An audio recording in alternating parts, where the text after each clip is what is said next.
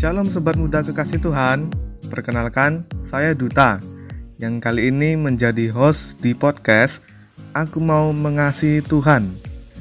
Podcast yang dibuat oleh Wonogiri Revival atau WSR ini akan mengajak sobat muda untuk belajar mengasihi Tuhan. Podcast ini akan dirilis setiap hari Jumat jam 3 sore. Jadi, setialah mengikuti setiap serinya ya. Jangan sampai ada yang terlewatkan supaya sobat muda bisa belajar dengan lengkap dan bisa mengalaminya dalam hidup sobat muda semua. Nah, minggu ini kita akan belajar lewat segmen BTW, bincang-bincang teman weekend. Seperti BTW sebelumnya, saya tidak sendirian. Saya akan berbincang-bincang dengan tamu spesial untuk bisa belajar bersama. Siapakah tamu spesial kita kali ini? Dan ke mana-mana ya, stay tune terus.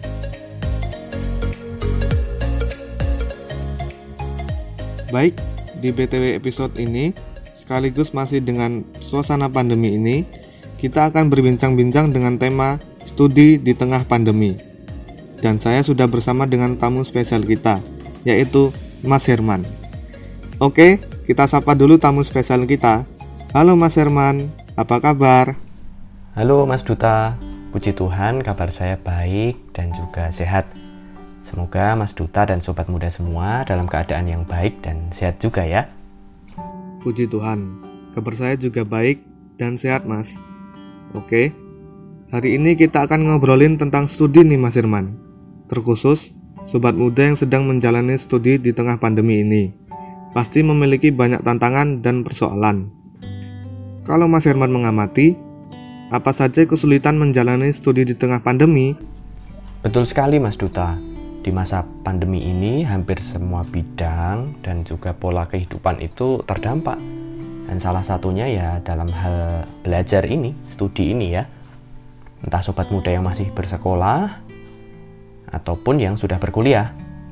Nah, saya pikir kesulitan yang mendasar adalah pada cara menyesuaikan diri dengan pola belajar yang baru ini. Yaitu sekarang kan pembelajarannya jarak jauh ya dengan menggunakan fasilitas internet, entah bentuknya berbasis video conference maupun penyampaian materi dan juga tugas-tugas tertulis lewat berbagai macam format file. Nah, hal ini tentu menimbulkan persoalan baik para pendidik dalam hal ini guru atau dosen maupun peserta didik ya siswa maupun mahasiswa yang rata-rata belum terbiasa dan bahkan mungkin baru mengenalnya semenjak ada pandemi ini loh dan memang belum siap dengan bentuk pembelajaran seperti ini. Nah, termasuk juga sebenarnya banyak orang tua yang juga belum siap dengan format belajar yang bentuk baru ini. Bahkan kita jumpai ada kasus orang tua itu sampai menganiaya anaknya sendiri karena kewalahan menemani anaknya yang mengikuti pembelajaran online. Ini persoalan yang pertama. Nah, persoalan lainnya juga dalam hal fasilitas perangkat yang digunakan, handphone yang digunakan, dan juga koneksi internetnya. Karena tidak semua siswa atau mahasiswa ini memiliki ponsel atau laptop dan juga akses jaringan internet yang memadai. Nah, bahkan kita lihat juga ada kasus pencurian HP terjadi karena orang tua tidak mampu menyediakan HP untuk anaknya bisa gunakan dalam pembelajaran online. Wah, ini menyedihkan sekali ya. Nah, selain itu, kesulitan yang timbul selanjutnya, ini siswa ataupun mahasiswa ini nggak sanggup menyerap materi dengan maksimal selama pembelajaran jarak jauh ini. Belum lagi jika mata pelajaran atau mata kuliah yang dilakukan itu praktek. Tentu entah guru atau dosen, juga siswa dan mahasiswa tadi sama-sama kesulitan. Nah, kendala itu tidak bisa dipungkiri memang. Termasuk yang terakhir nih, yang saya amati, rasa penat, rasa bosan dalam menjalani eh, bentuk pembelajaran ini juga pasti muncul.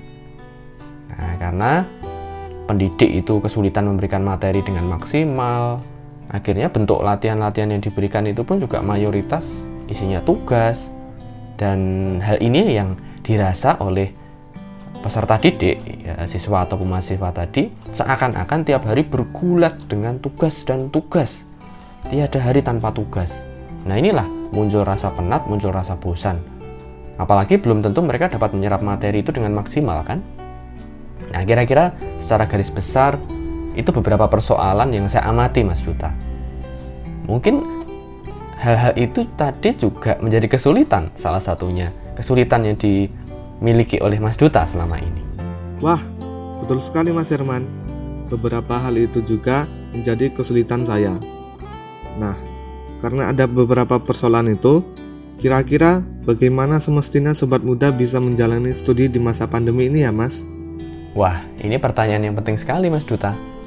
Namun, sebelumnya marilah kita melihat firman Tuhan dalam Efesus 5 ayat 17. Efesus 5 ayat 17, dan pergunakanlah waktu yang ada, karena hari-hari ini adalah jahat. Ya, Tuhan menghendaki supaya kita mempergunakan waktu atau kesempatan yang ada. Kemudian, di dalam firman Tuhan yang lain, di Kolose 3 ayat 23, Kolose 3 ayat 23, apa pun juga yang kamu perbuat, perbuatlah dengan segenap hatimu, seperti untuk Tuhan dan bukan untuk manusia.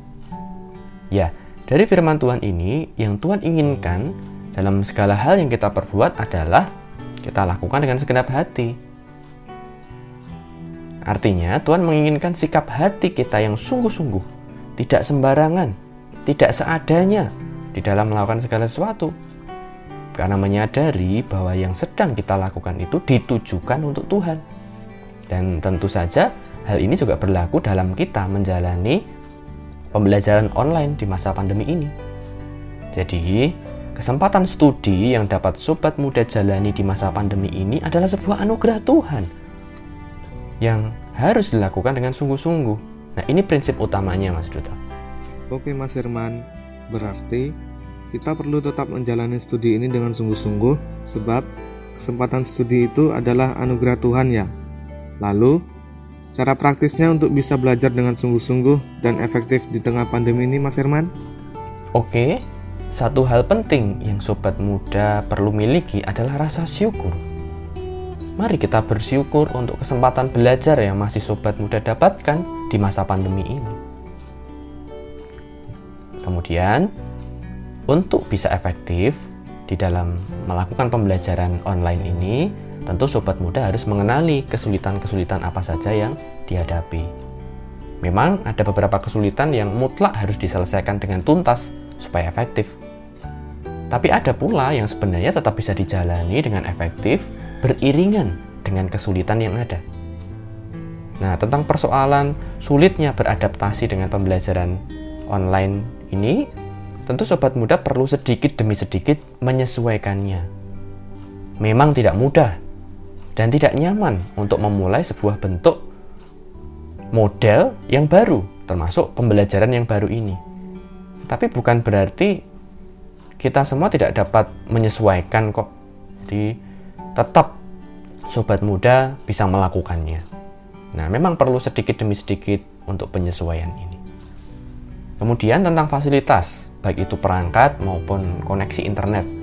Ya ini mutlak harus dipenuhi karena memang pembelajarannya berbasis internet. Nah, setidaknya sudah ada beberapa kampus atau sekolah yang memberikan bantuan kuota internet ataupun beberapa operator seluler yang memberikan kuota murah untuk akses pembelajaran online. Nah, mengenai kesulitan untuk menyerap materi belajar ini, sobat muda bisa memiliki kelompok belajar untuk bisa diskusi materi pelajaran yang diberikan. Justru saya sekaligus membagikan informasi nih kepada sobat muda semua kalau di persekutuan kita yaitu di Wonogiri Student Revival kakak-kakak pembimbing itu menyediakan diri loh untuk membantu sobat siswa terkhusus siswa ya, yang kesulitan memahami materi belajar di sekolah. Nah, sobat muda bisa menghubungi hubungi nih kakak-kakak pembimbing WSR jikalau memerlukan bantuan untuk mempelajari materi pelajaran. Lalu, menjawab tentang persoalan kepenatan dan kebosanan, nah, sobat muda perlu untuk mengenali gaya belajar sobat muda masing-masing. Belajarlah sesuai dengan gaya belajar sobat muda. Nah, selain itu, milikilah juga pelepas stres. Mungkin sobat muda memiliki pelepas stres yang berbeda. Mungkin bisa dengan mendengarkan musik, menonton film, olahraga, main game, membaca buku, memasak, ngemil, dan lain-lain. Tapi perlu diingat, hal-hal itu tadi hanya sebatas pelepas stres. Ya, berlangsung sekian menit lah. Jangan sampai hal-hal tadi malah menguasai sobat muda semua. Malah menghabiskan waktu sobat muda dan akhirnya tidak belajar.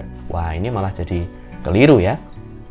Jadi hal-hal itu sebatas untuk menyegarkan saja supaya pembelajaran online bisa tetap dijalani dengan segar.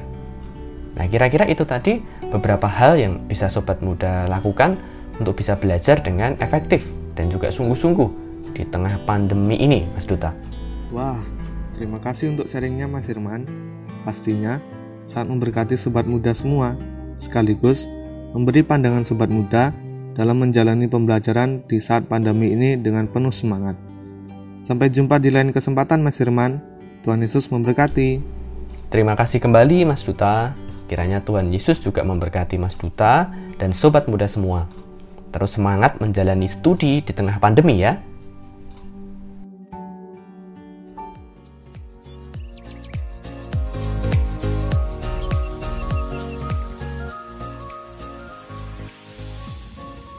Sobat muda kekasih Tuhan, senang sekali ya Hari ini kita bisa belajar bersama lewat bincang-bincang teman weekend kali ini.